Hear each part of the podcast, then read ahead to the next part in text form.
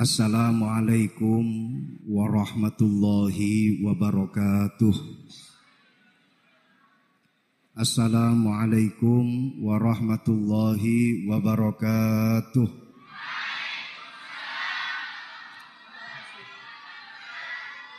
Bismillah, Alhamdulillah, wassalatu wassalamu ala rasulillah wa ala alihi wa sahbihi wa mawalah amma ba'dah.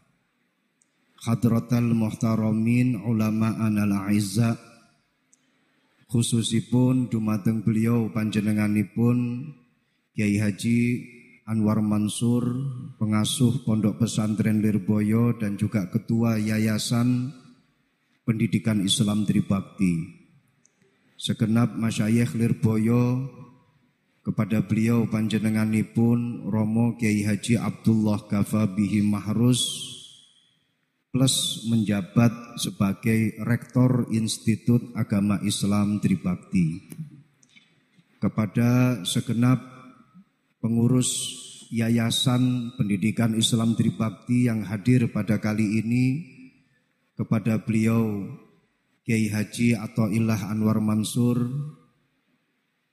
Kiai Haji Abdul Bar, Kiai Haji Muhayyad Syah, segenap pengurus yayasan yang tidak bisa saya sebutkan namanya satu persatu.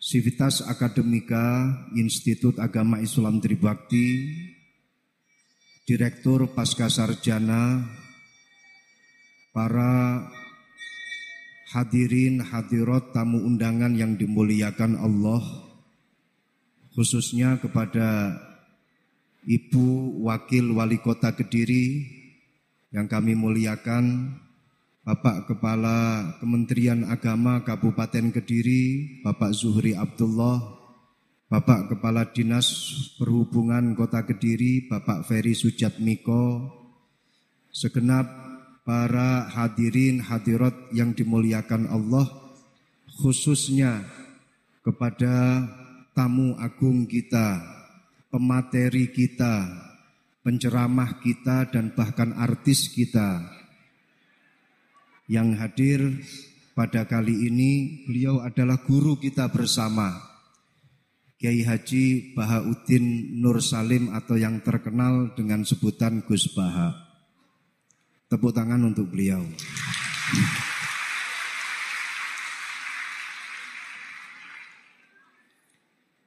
Saya pribadi banyak belajar dari beliau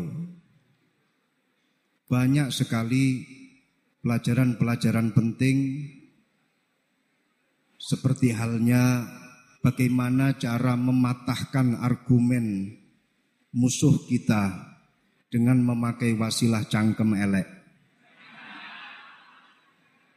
Ada satu rumus baru yang selalu beliau utarakan bagaimana kita mematahkan argumen orang lain nggak perlu muluk-muluk pakai dalil, nggak perlu muluk-muluk pakai hadis, pakai Quran, tapi ketika cangkem elek sudah cukup, maka ini adalah gerakan cangkem elek li'ila ilhaq. Ini teori baru. Satu teori baru pantas sekiranya beliau mendapatkan gelar guru besar atau profesor honoris causa. Dalam bidang cangkem elek.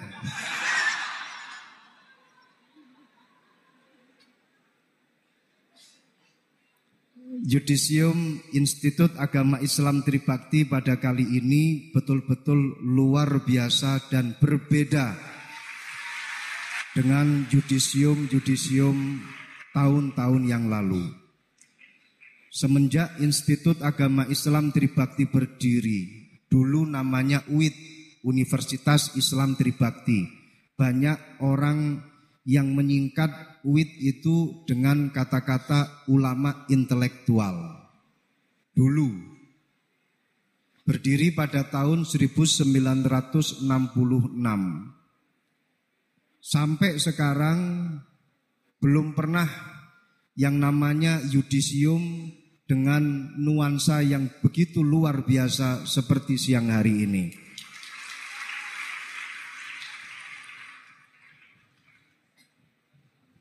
Pada siang hari ini semua sivitas akademika ini pakai sarung semuanya. Sejak tahun 66 sampai 2019 tahun ini baru kali ini Yudisium Tribakti ini sivitas akademikanya pakai sarung.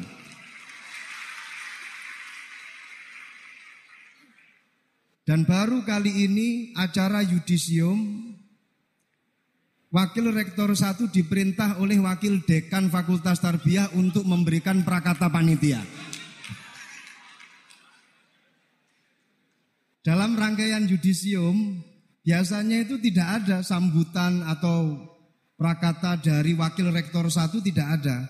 Aturan main yudisium secara internasional itu setelah rektor kemudian sambutan SK, pembacaan SK dari dekan-dekan. Nah Tribakti ini tidak luar biasa. Tidak hanya dekannya yang disuruh bicara, rektornya yang memberikan arahan, tapi wakil rektornya juga disuruh untuk memberikan sambutan. Jadi yudisium ini tidak setaraf internasional, tapi dunyan wa ukhron.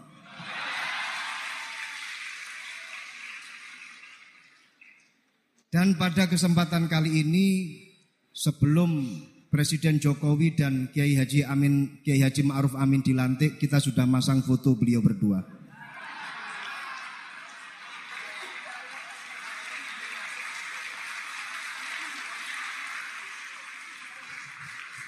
Yudisium ini secara otomatis sudah mengucapkan selamat kepada Presiden Jokowi dan Wakil Presiden Kiai Ma'ruf Amin untuk mengemban amanat sebagai presiden dan wakil presiden untuk Republik Indonesia.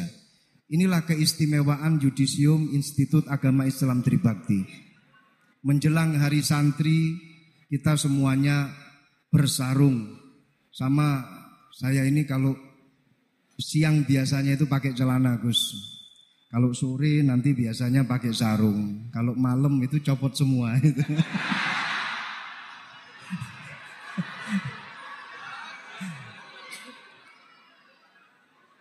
Jadi ceritanya itu saya dipaksa oleh panitia sekali lagi, saya dipaksa oleh panitia untuk memberikan prakata panitia. Saya bilang, sampean itu loh wakil dekan satu Fakultas Tarbiyah. Kok wani-wani ini ngongkon wakil rektor satu untuk memberikan sambutan itu gimana? Protapnya itu bagaimana? SOP-nya itu bagaimana? Ya yang bisa mendampingi Gus Baha itu hanya orang luar biasa katanya. Yang bisa mendampingi Gus Baha itu bukan sembarang orang. Loh saya jawab, loh saya ini kan biasa di luar. Dan saya ini orang sembarangan. Jadi salah kaprah kalau seandainya pada siang hari ini ada prakata panitia dan lain sebagainya. Ini semuanya dalam rangka untuk takdiman menghormati kepada Gus Baha guru kita. Saya pernah jenengan pernah belajar dengan beliau, lihat YouTube-YouTube-nya, kita semuanya mengangkat beliau sebagai guru kita. Tapi beberapa hari yang lalu saya pernah menjadi guru beliau. Ternyata beliau ini baru tahu ada satu rumus namanya daksuan. Itu beliau sangat berterima kasih dengan saya. Matur suwun, aku wis ditutui dalile. Jadi lek meso gampang ono dalile. Ini jadi sementara waktu kemarin hanya beberapa detik saya menjabat sebagai guru beliau. Setelah itu balik lagi saya jadi murid beliau. Ini pemaksaan yang dilakukan oleh wakil dekan satu kepada wakil rektor satu untuk memberikan prakata panitia. Tapi alhamdulillah pada kesempatan kali ini pada hari santri momen yang pas dengan pelantikan presiden dan wakil presiden kita bersama-sama bersama dengan Gus Baha yang insya Allah termasuk bagian daripada Mujadid fi hadal qarn. Mujadid seorang pembaharu di kurun ini. Jadi saya blank kalau bersama dengan beliau itu pasti kalah auranya dengan beliau panitia itu sebenarnya pengen mengulang acara seperti yang di PWNU kemarin. Jadi kemarin panitia bilang ke saya, gimana kalau acara yudisium itu kita setting sama dengan acara PWNU kemarin. Saya bilang, nggak bisa. Acara di PWNU kemarin itu termasuk dalam tanda kutip sabab karomahnya Gus Baha. Dan karomah itu nggak bisa diulangi lagi. Itu kemarin itu dalam tanda kutip karena memang kesababan barokahnya. Kenapa harus saya kasih tanda kutip untuk karomahnya Gus Baha? Karena saya khawatir kalau saya mengatakan Gus Baha punya karomah, berarti Gus Baha ini adalah seorang wali. Dan kalau saya mengeklaim Gus Baha ini sebagai seorang wali, berarti mengeklaim diri saya sebagai wali. Itu kan yang nggak enak di saya enak Gus Baha. melalui satu kaidah la ya'riful wali ilal wali tidak ada orang yang mengetahui dia itu adalah wali kecuali dia adalah wali sendiri dan kalau saya ngeklaim beliau adalah punya karomah berarti saya mengeklaim beliau adalah wali dan kalau saya mengeklaim beliau wali berarti saya ini adalah wali dan saya kelihatannya nggak pantas untuk menjabat seperti itu. Kalau Gus Bahak pantas. Kalau dilihat dari cara pakai kopiahnya, kelihatannya setengah wali, bu setengah opo, gitu. Saya hanya minta restu kepada beliau semoga sivitas akademika, para dosen, para uh, mahasiswa yang ada di Institut Agama Islam Tribakti ini betul-betul khidmah tulus mendapatkan barokah dari Allah. Saya berharap doa khususnya kepada Gus Baha agar para dosen-dosen ini dari khidmahnya ini nanti mendapatkan barokah dari khidmah yang mereka lakukan. Saya berpegangan pada satu koidah yang murni koidah ini saya otak-atik, saya buat sendiri. Jenengan kalau tidak percaya silahkan jenengan lihat di Google, tidak akan ada koidah yang akan saya sampaikan ini. Di YouTube pun juga tidak ada. Al-kasbu yatarot tabu fihi al-ujroh. Yang namanya kerja itu pasti memiliki konsekuensi seleri atau gaji. Dan itu ada standarnya, itu ada rumusnya. Seperti Pak Kadis Hub, Pak Ferry, ini gaji standar setiap bulan itu pasti ada.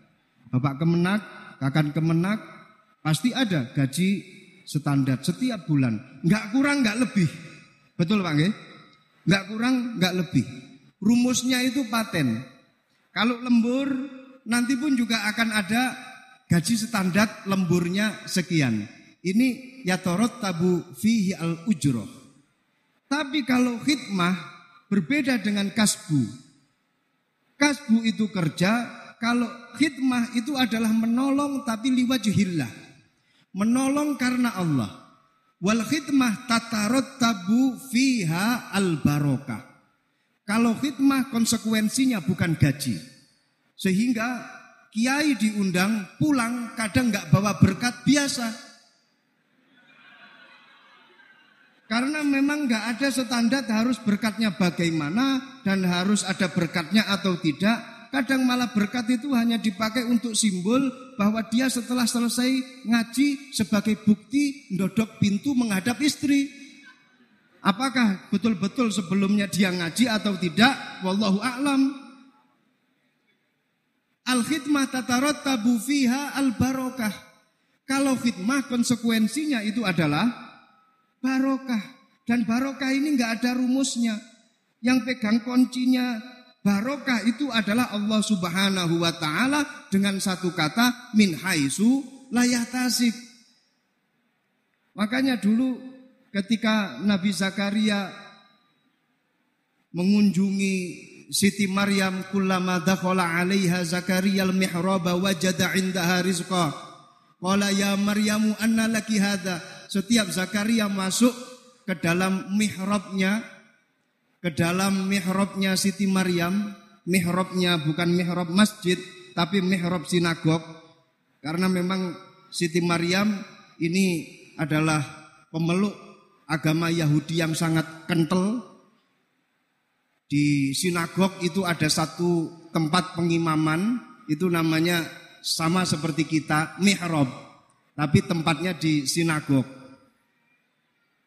Itu setiap Nabi Zakaria masuk ke dalam mihrabnya Siti Maryam, mihrabnya sinagog, itu selalu menemukan rezeki. Aku ben melbu rene iki kok mesti rezeki. Iki tekan ndi? Iki nggonmu iki tekan ndi? Dijawab kali Siti Maryam, ini dari Allah. Innallaha yarzuqu may yasha bi ghairi hisab. Ini saking Gusti Allah.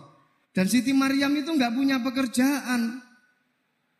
Beda dengan wakil-wakil dekan seperti Bu Rifki ini punya pekerjaan. Siti Maryam ini nggak punya pekerjaan. Tapi setiap Nabi Zakaria masuk ke dalam tempatnya Siti Maryam selalu di samping kanan kirinya ini Nabi Zakaria menemukan rizki. Itu dari mana? Dari Allah. Dari mana? Apakah itu gaji? Bukan itu barokah. Inilah harapan dari kami bahwasannya para sivitas akademika, para hadirin, para mahasiswa, para alumni betul-betul mendapatkan barokah dari profesi yang dia lakukan dan khidmah yang dia jalankan. Amin amin ya robbal alamin. Ini dungoni rodok makso karena memang saya harus memaksa kepada beliau agar betul-betul mendoakan kepada kami lek didelok teko potongane dongane mandi niki Gus Bah. Dongane mandi. Saya maksa kepada beliau agar mendoakan kepada kita dan doa kita ini pun juga memaksa kepada Allah karena doa itu kan macam-macam. Ada yang doa setengah memaksa, ada yang doa biasa-biasa saja. Kalau doa yang memaksa itu seperti doa yang kita lantunkan ketika sholat duha. Setelah sholat duha itu kan kita selalu berdoa, Allahumma ingkana rizki fis sama fa'amzilhu ilayya. Allahumma ingkana rizki fil arad fa'akhrijhu. Allahumma ingkana rizki usrun fayassirhu. Jadi Allah, kalau seandainya rizki saya ini ada di langit, belum turun, turunkanlah ya Allah. Kalau rizki saya ini masih ada di bawah tanah, belum keluar, keluarkanlah ya Allah. Kalau rizki saya ini sulit, ya mudahkanlah ya Allah. Sama seperti para mahasiswa Institut Agama Islam Tribakti ketika mendekati wisuda, kalau berdoa untuk seseorang, ya Allah, jadikanlah dia jodohku ya Allah. Kalau seandainya dia sudah di tangan orang lain, maka lepaskanlah genggamannya darinya ya Allah. Kalau seandainya dia nggak mau dengan saya, maka rubahlah hatinya untuk menjadi mau dengan saya ya Allah. Kalau seandainya dia sudah berumah tangga, ceraikanlah mereka berdua ya Allah. Dan dekatkanlah denganku. Kalau seandainya dia sudah mati, temukanlah aku dan dia kelak nanti di surgamu. Walafu minkum. Wassalamualaikum warahmatullahi wabarakatuh.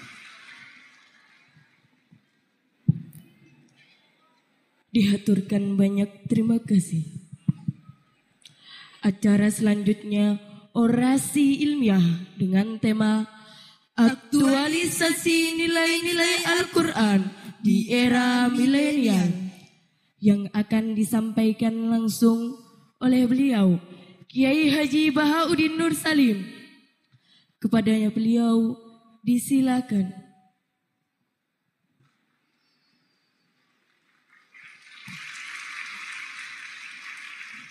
Ini kalau arepe mulai kok takon acarane opo?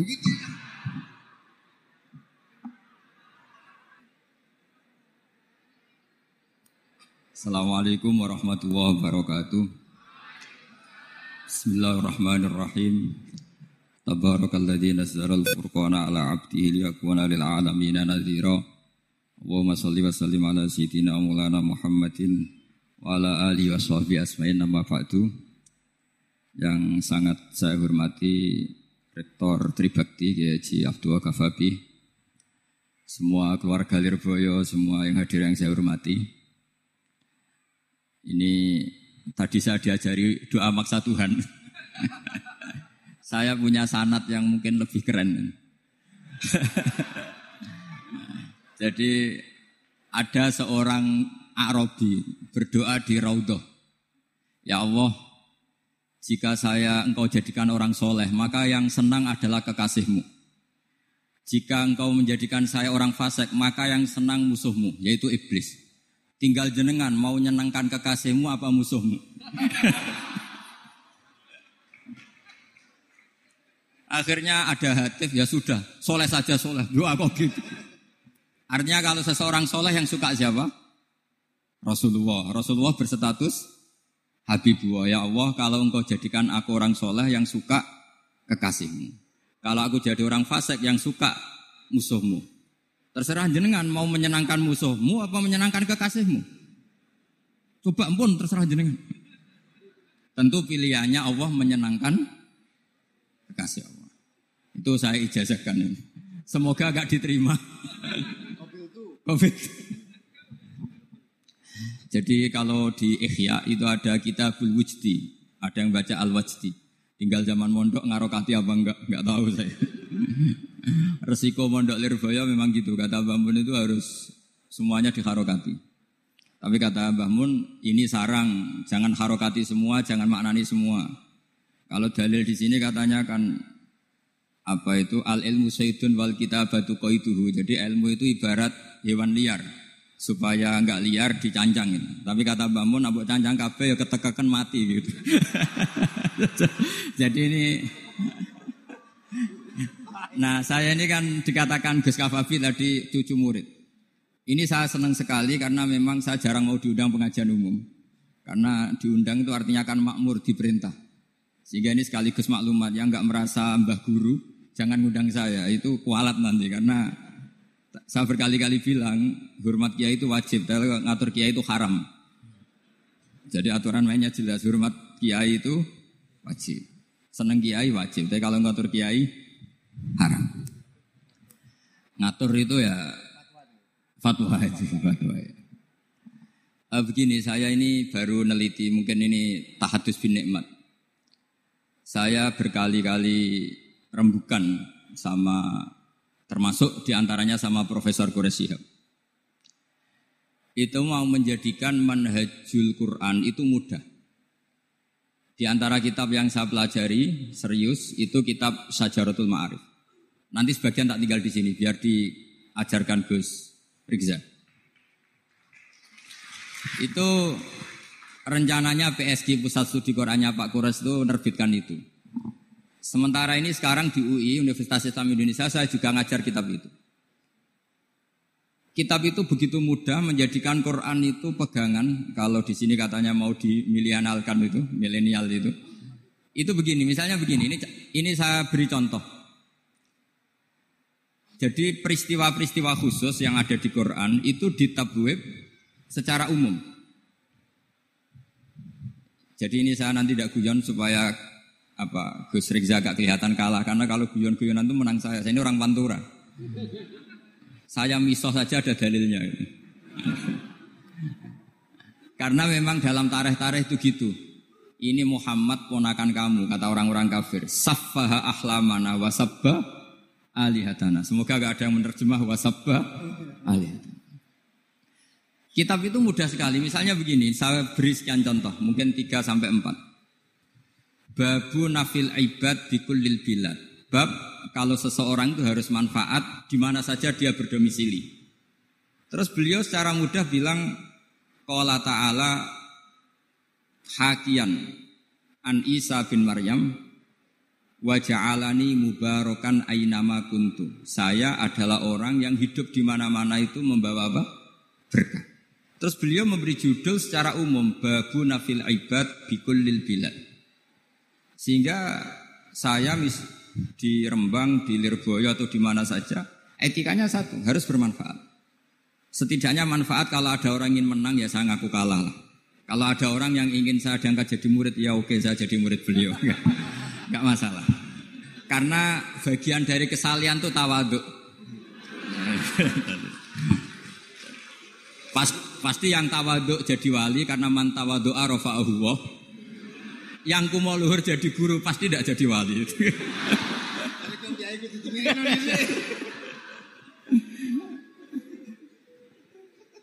Terus ada bab yang sesuai dalam konteks Indonesia. Itu juga dibabkan umum. Babu sadid Bab menutup pintu potensi-potensi yang enggak baik. Terus beliau mengutip qala ta'ala wala tasubbul ladina yad'una min dunillahi fayasubbu wa adwam bighairi ilm. Jadi dulu para sahabat saking semangatnya berislam, itu saking semangatnya itu sering bilang jancuk lata, jancuk uzza. Jadi ini tidak jauh-jauh dari misoh karena memang sudah dicap cangkem elek tadi. Terus mereka tanya, lalu kalau Tuhan saya jancuk, bahayanya jancuk juga Tuhan kamu. Akhirnya Allah bilang gini, Muhammad, umatmu kandani ojo misoi bro, purbane aku. Makanya terusannya ayat faya subuh aduam bil khairi Dan itu oleh Syekh Izzuddin bin Abdissalam yang dikenal sebagai Sultanul Aulia itu dibabkan mudah sekali. Babu Jadi kalau kamu ingin Allah tidak dipisoi, Islam tidak disakiti, kamu jangan menyakiti agama lain. Itu bagian dari mencintai Islam. Jangan kira kita hormat sama agama lain karena ikrar tidak itu bagian dari mencintai Islam. Terus mengutip sekian hadis. La yasubbur rojulu abal. Sebagian riwayat layal anur rojulu abal. Ada yang baca layal ani terserah lah. Kalau nak hiya layal an sopa terserah. Itu apa khobar bimanal amri apa bacanya layal an itu bisa dipasul masail nanti itu. Jangan sampai seseorang tuh misoi bapaknya. Kata para sahabat, wakil faya subur rojul abahu. Bagaimana mungkin seseorang misoi bapaknya sendiri? Kata Rasulullah, ya subu abar rojuli faya subu abah. Wa ya subu umar rojuli faya subu ummah. Dia misoi bapaknya orang lain, kemudian dibalas bapaknya di pisau. Ini penting saya utarakan, jadi mudah sekali. Terus dibabkan di bab umum itu babu sadidaro'ek. Sehingga peristiwa yang khususiyah ini menjadi bisa ditarik kesimpulan secara umum dan Quran maupun hadis mengawal kita ila yaumil kiamah. Karena kita ada kehilangan stok untuk memaknai Quran dan hadis dengan cara yang diajarkan Syekh Izzuddin bin Abi Salam yang kita kenal beliau termasuk Sultanul Ulama. Contoh ketiga ini yang paling penting dan itu saya sering utarakan. Beliau bikin judul La yutrakul haqqu li ajlil batil. Kebenaran tidak boleh ditinggalkan hanya karena banyak kebatilan. Uniknya apa? Beliau pakai dalil saya yakin seorang dokter Riza pun nggak terlintas kalau kalau itu ada. Meskipun bikin rumus istihad tadi yang nggak ada kembarannya tadi. Karena ulama yang waras ya nggak ingin ngembari rumus seperti itu. Memang nggak perlu dikembarin, apalagi dosen-dosen tribakti itu nggak suka. Ini padune rakwat gaji kan gitu. itu kan dalih ya, dalih supaya ngirit ya. Wes mulang gak arep-arep gaji barokah gitu. Itu mesti kong kali kong sama bendara ya. Yayasan. Karena yayasan itu. itu ada judul la yutrokul haqqu li ajlil batil. Itu uniknya beliau hanya dalil Inna sofa wal marwata min sya'airillah faman hajjal baita wa atamara fala junaha alaihi ayyat tawafa bihima.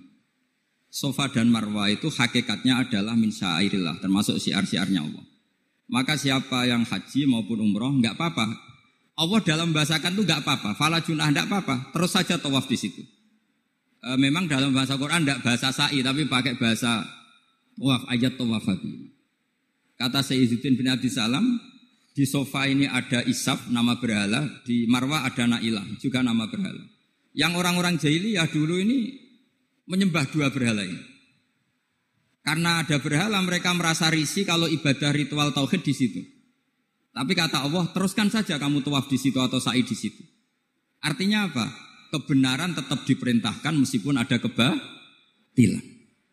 Jadi gampang sekali. Terus beliau bikin judul la yutrakul haqqu li ajlil batil. Barang hak itu tidak boleh ditinggalkan karena barang batil. Saya di mana-mana kalau boleh dikatakan fatwa. Kalau ada orang mati karena narkoba atau karena mendem atau karena koplo atau karena apa oplosan, itu kita sebagai kiai datang saja. Tapi tidak harus kiai yang top-top kayak Gus Rizal. Salah satu kiai datang. Karena sekali kita tidak datang, mereka akan menciptakan tradisi baru dalam penguburan. As kiai rata kong soleh soleh rata kaos dipendem ala mereka. Didekno ambek diminumi arak. Sehingga kita datang ini karena apa? Sebetulnya demi melaksanakan syariat Islam memperlakukan janazah muslim. Kita kelola secara Islam. Meskipun mangkel, kita mangkel, wong mati kok oplosan. Mati-mati pas sujud kan keren. Atau mati karena gaji terlambat kan keren. Ini mati kok. Atau mati karena miskin telat apa? Gaji kan keren, tirakat lah konaah. Nah, Betul, ini mas-mas kalau yang mencintai bapak ada kesampaian, sahid cinta itu juga sahid. Asal tidak pernah lihat, nggak pernah SMS. Ngempet tok itu kalau mati itu sahid. Tapi syaratnya nggak ngelihat, nggak nge-SMS, nggak WA. Pokoknya, ya pokoknya seperti itu. Nah, ini penting saya utarakan. Saya pernah diundang salah satu acara akad nikah. Itu yang undang itu nanggap ketoprak. Gus nanti ada ketoprak di rumah saya tapi jangan nggak usah lihat itu. Tapi jam 9 ngakatkan anak saya. Ya saya datang. Pas itu memang nggak ada widir saya datang. Itu sudah ada biduannya banyak di situ. Kenapa saya datang? Pikiran saya tadi. Kalau kiai tidak menyaksikan akad nikah, nanti mereka bisa bikin cara akad dengan cara mereka sendiri.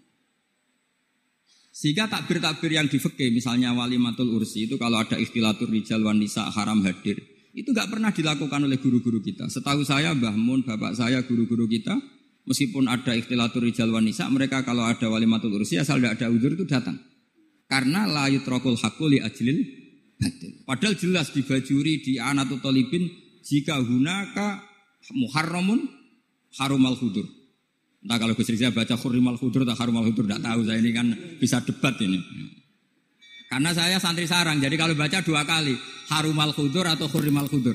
Tapi kalau yang santri sini mau tidak mau ya anut harokatnya guru tadi. Resikonya nurut itu harus ikut. Haruma apa hurima. Kalau saya karena enggak enggak dimaknani, jadi ya bingung. Bingung. Maksudnya bingung milih. Saking banyaknya ilmu. bukan bingung karena goblok, bukan, bukan.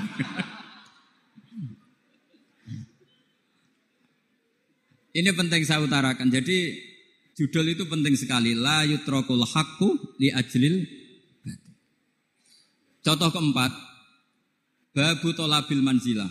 Seorang yang terpercaya itu boleh cari pangkat di pemerintahan. Beliau dalilnya gampang sekali. Yusuf ketika merasa mampu mengendalikan ekonomi, ketahanan pangan zaman itu. Beliau matur ke Aziz, ke penguasa Mesir, qala ja'alni ala khazainil jadikan saya sebagai pengelola hasil bumi. Ini hafizun alim, saya ini orang terpercaya. Saya ini orang yang pinter. Maka ngaku pinter itu boleh asal pinter betul. Karena Nabi Yusuf bilang ini hafizun alim.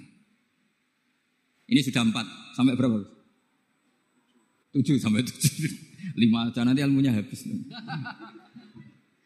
Jadi saya mohon nanti kitab itu saya tinggal satu tolong dipelajari teman-teman supaya apa ya ada cara mudah.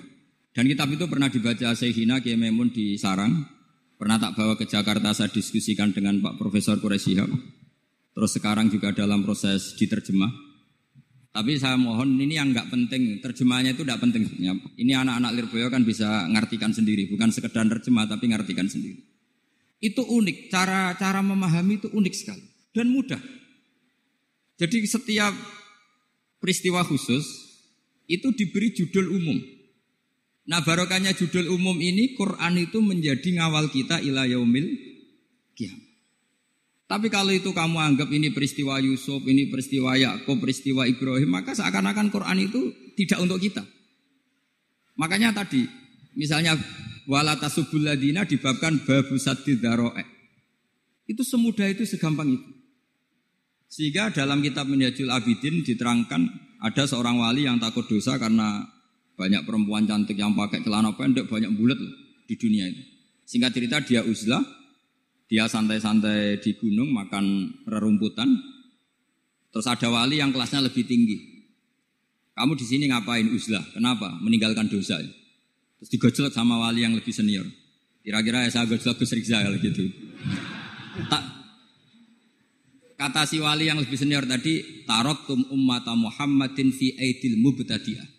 Sebetulnya kamu itu tidak menghindari dosa, tapi malah parah. Ketika umat tidak kamu pimpin, artinya membiarkan dipimpin kelompok lah, lain. Dan itu bisa orang ahli bid'ah, bisa orang kafir, bisa yang lebih menyesatkan. Jadi uzlah itu tidak solusi. Ini pentingnya pembanding. Jadi gak apa-apa nanti setelah saya ngisi, dikasih kesempatan untuk bully saya gak apa-apa. Saya terlalu sakti untuk dikalahkan. Jadi artinya muhibin saya itu gak ngefek lah kalau saya diadili siapa? Gus Riksa. Gak, gak, gak ngefek. Jadi menurut saya nanti tak kasih kesempatan untuk ngadili saya. Terus setelah itu selesai, saya ada jawab lagi. Sebagai latihan calon wali itu harus sabar, man. Jadi wal kadhimin al wal afina anin nas. Jadi setelah saya dibully nanti saya bilang sudah saya maafkan wassalamualaikum terus gitu. Terus contoh yang paling ekstrim gini Gus Rizal. Ada contoh babu jawazin mahli maslahatin. Bab boleh adu-adu. Adu-adu itu mengadukan satu peristiwa yang buruk ke orang lain karena maslahat. Itu contohnya unik sekali. Saya ini bingung masa ada namam atau namimah kemudian ditoleransi. Terus beliau pakai dalil Wajah arojulum min aqsal madinati yas'a. Qala ya Musa innal mal'a ya'tamiru nabikal yaqtulu kafakhrus innilaka minan nasihin. Musa, saya ini pegawai kerajaan Fir'aun. Saya termasuk perwira di kerajaan Fir'aun. Saya tahu rapat tadi malam itu memutuskan menangkap kamu untuk dibunuh. Maka kamu harus secepatnya keluar dari Mesir. Itu kan sebetulnya tipikalnya agak namimah, adu-adu. Tapi limas lahatin. Itu mudah sekali kitab itu. Jadi saya mohon anak-anak tribakti yang mau mengkaji Quran ingin alim pakai kitab itu. Saya jamin kalau hatam pasti alim. Hatam paham maksudnya. Daripada sampean pakai metode usul fikih itu keruwetan karena selain judulnya sudah ruwet. Ubul usul itu sudah ruwet.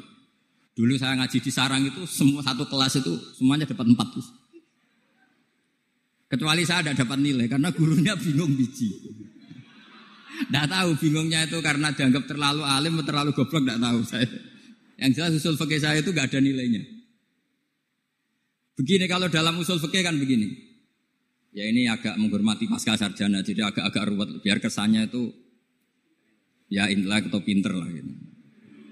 Kalau guyon terus itu kan nganggap sampean itu isane mau paham guyon itu. Jadi kan ngergani orang seperti orang guyon terus itu. Tapi ini agak serius. Begini, Misalnya saya sebagai kiai ngundang Zaid, kamu ke sini. Saya jelas sebut Zaid ke sini, ada tamu. Sebetulnya saya ingin Zaid apa ingin cah dalam siapa saja asal bisa melayani tamu. Zaidun itu zikrul ba'di wa iradatil kul apa zikru zaidin fi aini. Itu kan jadi perdebatan di ilmu usul fikih. Ketika Zaid gak ada, terus di situ ada pelayan yang bernama Bakar Umar gak datang, pasti kayaknya marah. Cek sombong ya santriku, tak udang rano sing moro. Terus misalnya anak-anak bilang, Pak Yai Anda kan tadi manggil saya, tidak manggil kita. Cek goblok ke maksudku ono sing nyugui teh. Orang kudu Zaid, bakar Umar ya kena.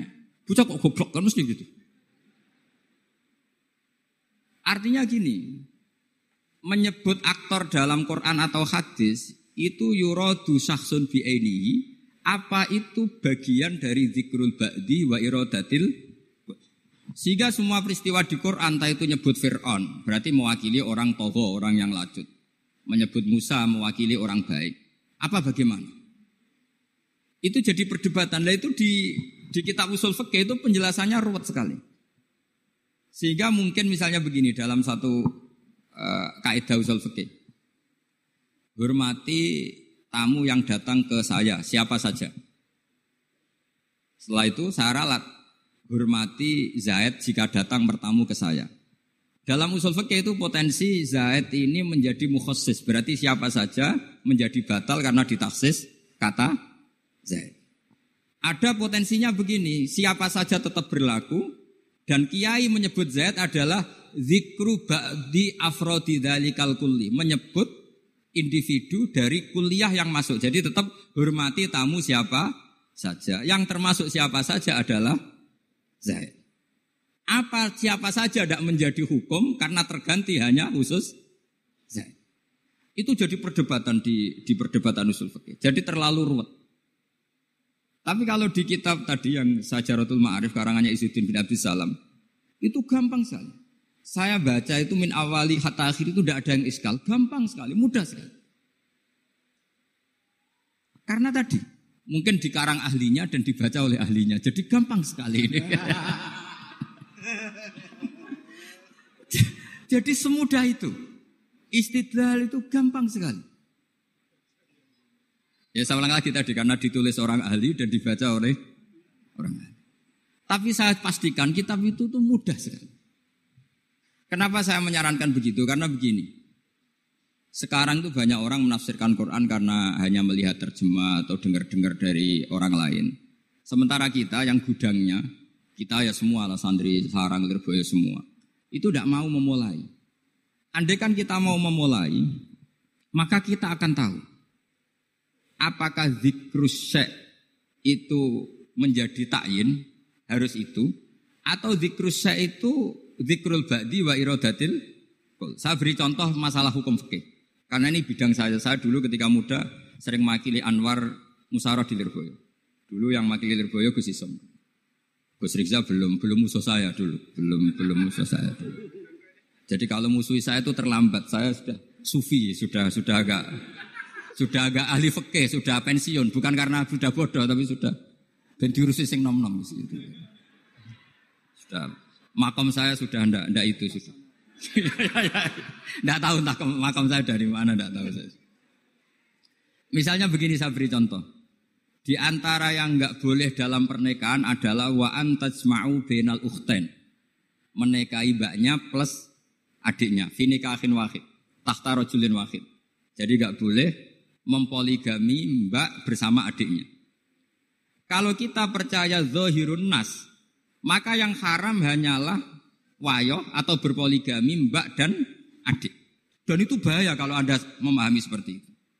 Zaman Rasulullah Sugeng ngendikan ditambahi satu tok sama Nabi. Wala benal mar'ati wa ammatiha wala benal mar'ati wa latiha. Itu kalau orang Jawa kan satu, karena bulik dan bude orang Jawa itu sama dari bapak ya bulik, dari ibu juga bulik. Tapi kalau orang Arab bilang minjatil ab disebut amma, minjatil um dikatakan kholah. Nabi zaman Sugeng itu hanya nambah itu tok. Juga agak boleh menikahi ponaan plus buliknya atau menikahi buliknya plus ponaannya.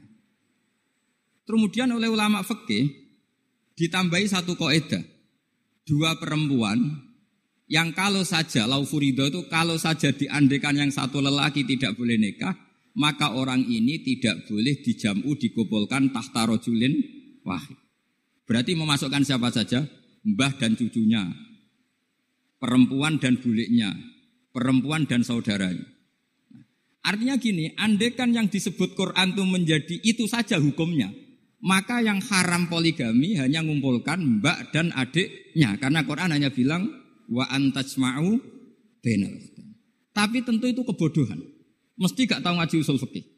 Kitab yang pantangannya orang banyak. Ya pantangannya gurunya bareng. Jadi itu bukan pantangan muridnya saja. Ya pantangan gurunya bareng.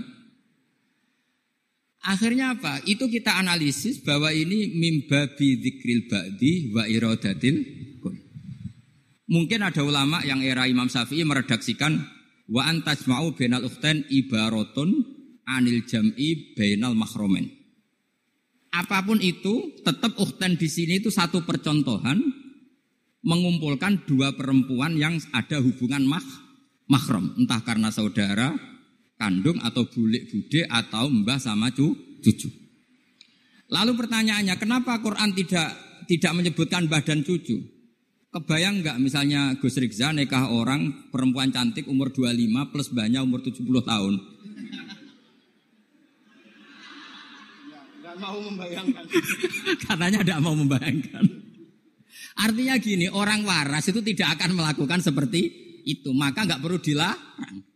Tapi nak rabi bae sesuai gedon, jebule ayu adi itu banyak. Terus dong ano bae mati itu banyak itu mungkin.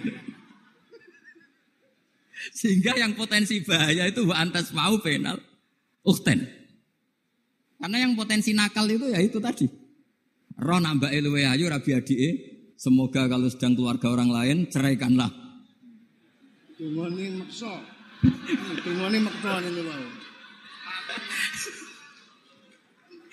jadi, jadi ini penting saya utarakan. Jadi ini serius tapi saya tetap rileks. Jadi mohon dipelajari lah usul fikih.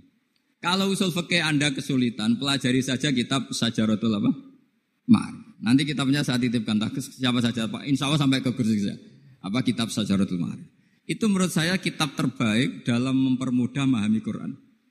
Ya modelnya begitu. Misalnya tadi babu nafil ibad bikulil bilad bab seorang hamba sebaiknya di mana saja bermanfaat.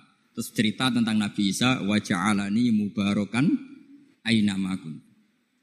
Saya masih ingat baca kitab Om supaya Pondok Lirboyo bangga bahwa cucu muridnya alim alama. Jadi ini bagian dari itu. Om putu muridnya we alim, bangunnya murid Lirboyo alim, om putune we alim kan gitu. Jadi kalau sama ndak alim dosa gede. Saya kata Gus Kafafi kan putu murid, om putune we alim, masuk muridnya gak alim. Awas nak keman ke alim, sini sini wong. Jadi harus mengkaca putune we alim, apalagi Apalagi anak ipas. apalagi anak pas.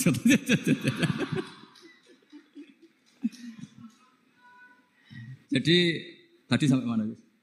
Lupa ya. Sampai adik ayu. Aji ayu.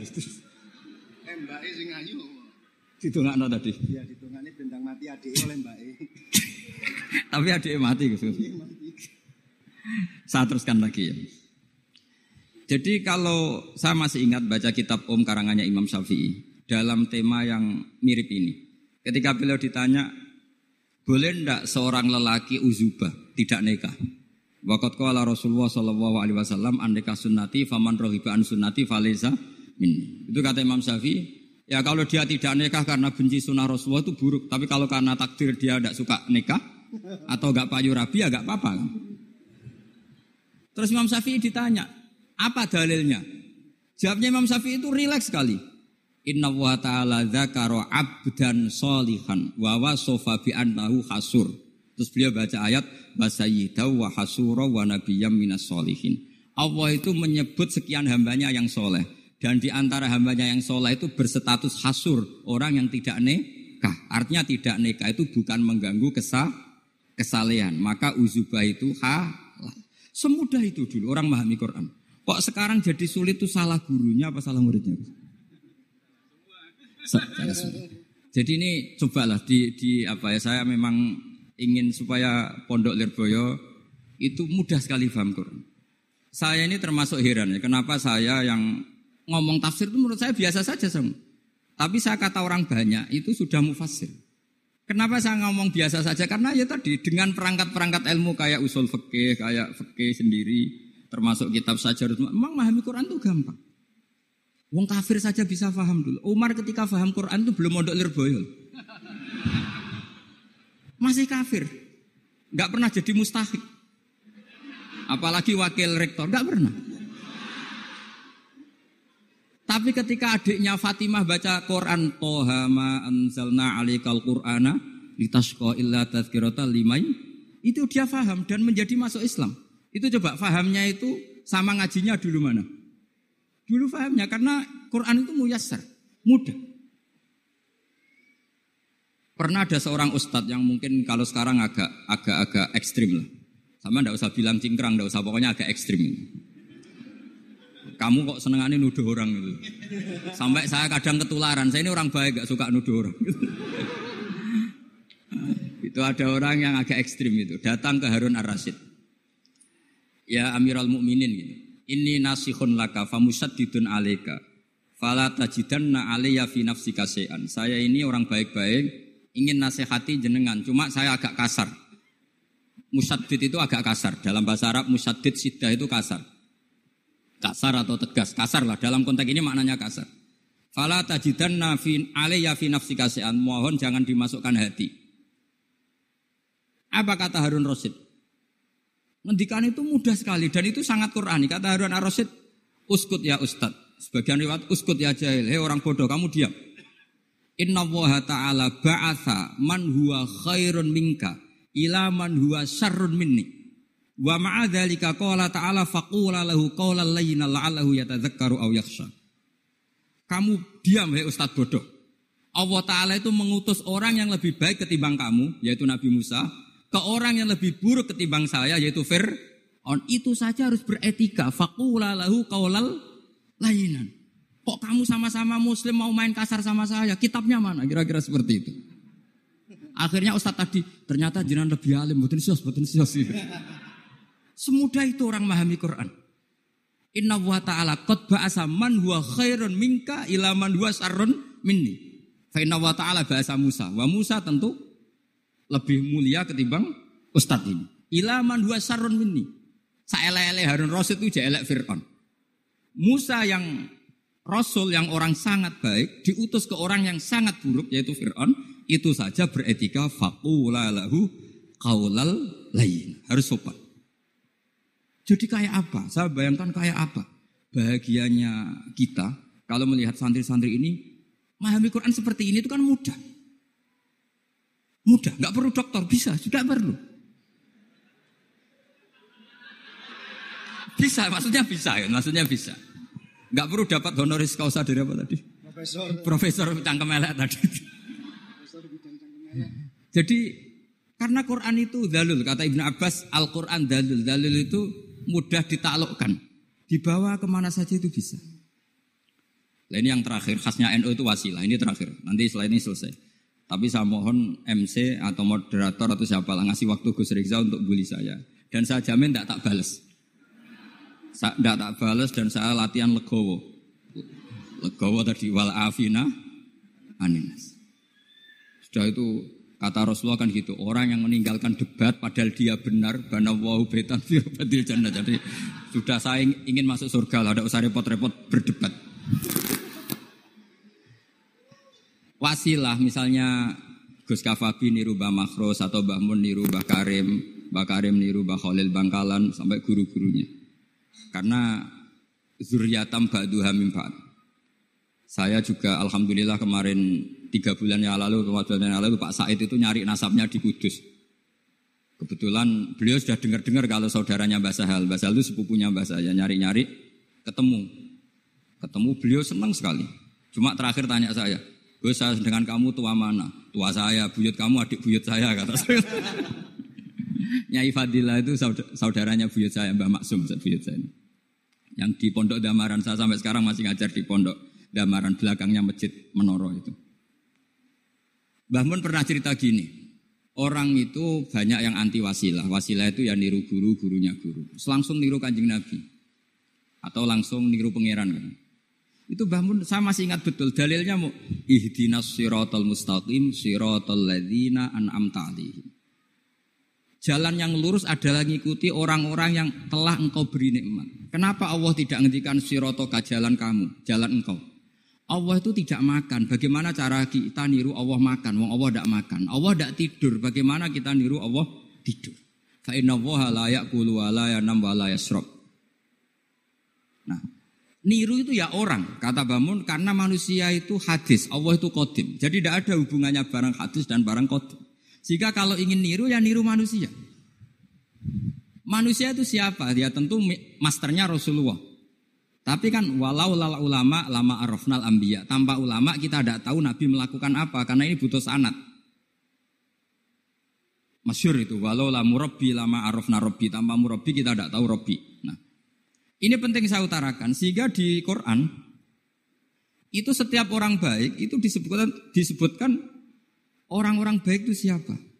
Ulaika alladzina an'ama Allahu alaihim minan nabiyina min dzurriyyati Adam wa mimman hamalna ma'anu Wa min dzurriyyati Ibrahim wa Israil wa mimman hadaina wajtabaina. Selalu orang baik itu diceritakan orangnya dan ngikuti orang juga. Ulaika alladzina hadahum wa fa bihudahum muqtadi. Kenapa? Karena kita tidak bisa niru Allah. Karena Allah itu tidak makan, tidak minum, tidak tidur. Tentu tidak nikah. Tapi sekarang orang tuh geger. Wanut guru-guru rames di bener. Sing marai kok edah nak guru rames di bener tuh kita. Kita setiap ngajar di Lirboyo di Sarang bilang selain Rasulullah Muhammad tuh tidak maksum. Jadi mereka ketinggalan kalau ngomong kiai rames di bener. Tahu kita, kita mulai kecil diajari selain Nabi kok orang maksum. Dekne roh ilmu anyaran kok ngandani sing mulai bayi alim itu kan lucu. Kita mulai dulu tahu selain Nabi itu tidak maksum. Kok malah dikandani Kiai tidak mesti benar, kenapa diikutin? Udah tahu kalau Kiai tidak mesti benar. Cuma kalau Kiai tidak mesti benar, nak kue mesti ra bener. Lagi-lagi gerakan cangkem melek kan gitu. Kalau Kiai itu hanya mungkin tidak benar, kalau kamu mesti tidak tidak benar. Ini penting saya utarakan sehingga mudah sekali. Apa dalilnya wasilah? Ya kita jawab saja. Ihdinas siratal mustaqim siratal ladzina an'amta. Semudah itu Quran dipahami ahlinya. Tapi sekarang kok memahami Quran jadi sulit. Saya menjadi tidak tahu. Ya seperti tadi Izzuddin bin Adi Salam itu banyak dalil la yutrokul haqqu li ajlil batil. Itu contohnya itu hanya inna sofa wal marwata min sya'airillah. Ketika sofa dan marwah belum steril dari berhala-berhala itu. Ketika Ka'bah belum steril dari berhala-berhala itu. Nabi tetap tawaf di Ka'bah, tetap sa'i di sofa dan marwah. Kemudian itu disimpulkan la yutrokul haqqu li ajlil batil. Segampang itu agama. Tapi kenapa menjadi sulit? Jadi saya mohon-mohon sekali karena kitab itu sedang dikaji di BSG Pusat Studi Quran, juga dikaji di pondok saya. Dulu saya Hina Memun pernah baca juga. Sekarang di UII yang ngajar saya. Jadi saya ingin dan itu diajarkan apa ditulis loh, oleh ulama sing ma'ruf, bahkan gelarnya Sultanul Ulama. Dalam kasufnya Sayyid Abil Hasan Asyadili, dalam kasuf beliau, beliau mengatakan saya pas kasuf dengar satu suara, satu hatif, ya Ali, ma ala wajil ardi, tidak ada di muka bumi ini kajian fikih sing abha yang lebih bersinar, yang lebih moncer ketimbang kajian Izzuddin bin Abdi Salam. Dan saya tidak dan tidak ada kajian ilmu hadis mengalahkan kajian Abdul Azim Al Mundiri yang ngarang Atarhib Atarhib itu. Era Sayyid siapa? Abil Hasan Asyadin. Dan tidak ada kajian ilmu hakikat sing abha min majlisika. Dan alhamdulillah kita punya kitab itu Qawaidul Ahkam Syajaratul Ma'arif Izzuddin bin Abdis Salam. Juga kita punya kitab Abdul Adim Al Mungziri karena kita pakai At-Targhib apa? At-Targhib itu muhtasornya Muslim juga dan tentu kita juga punya Abdul Hasan Asadili karena kita rata-rata ngaji hikam, kita tahu hikam adalah muridnya Abdul Abbas Al-Mursi dan beliau adalah muridnya Abdul Hasan apa? Asyadili. Sehingga kita insya Allah mengalami zuriyatam ba'duha mimpat. Baik zuriyah nasabiyah maupun zuriyah sababiyah. Kayak saya tadi dikatakan Gus Kawabi, putu Lirboyo. Karena Mbah Mun ngaji di Lirboyo. Dan saya bangga karena bisa bully jenengan semua. Nak putu newe alim maupun meneh anaknya. Pun sepakat ya. Nak putu newe alim maupun meneh anaknya pun. Assalamualaikum warahmatullahi wabarakatuh.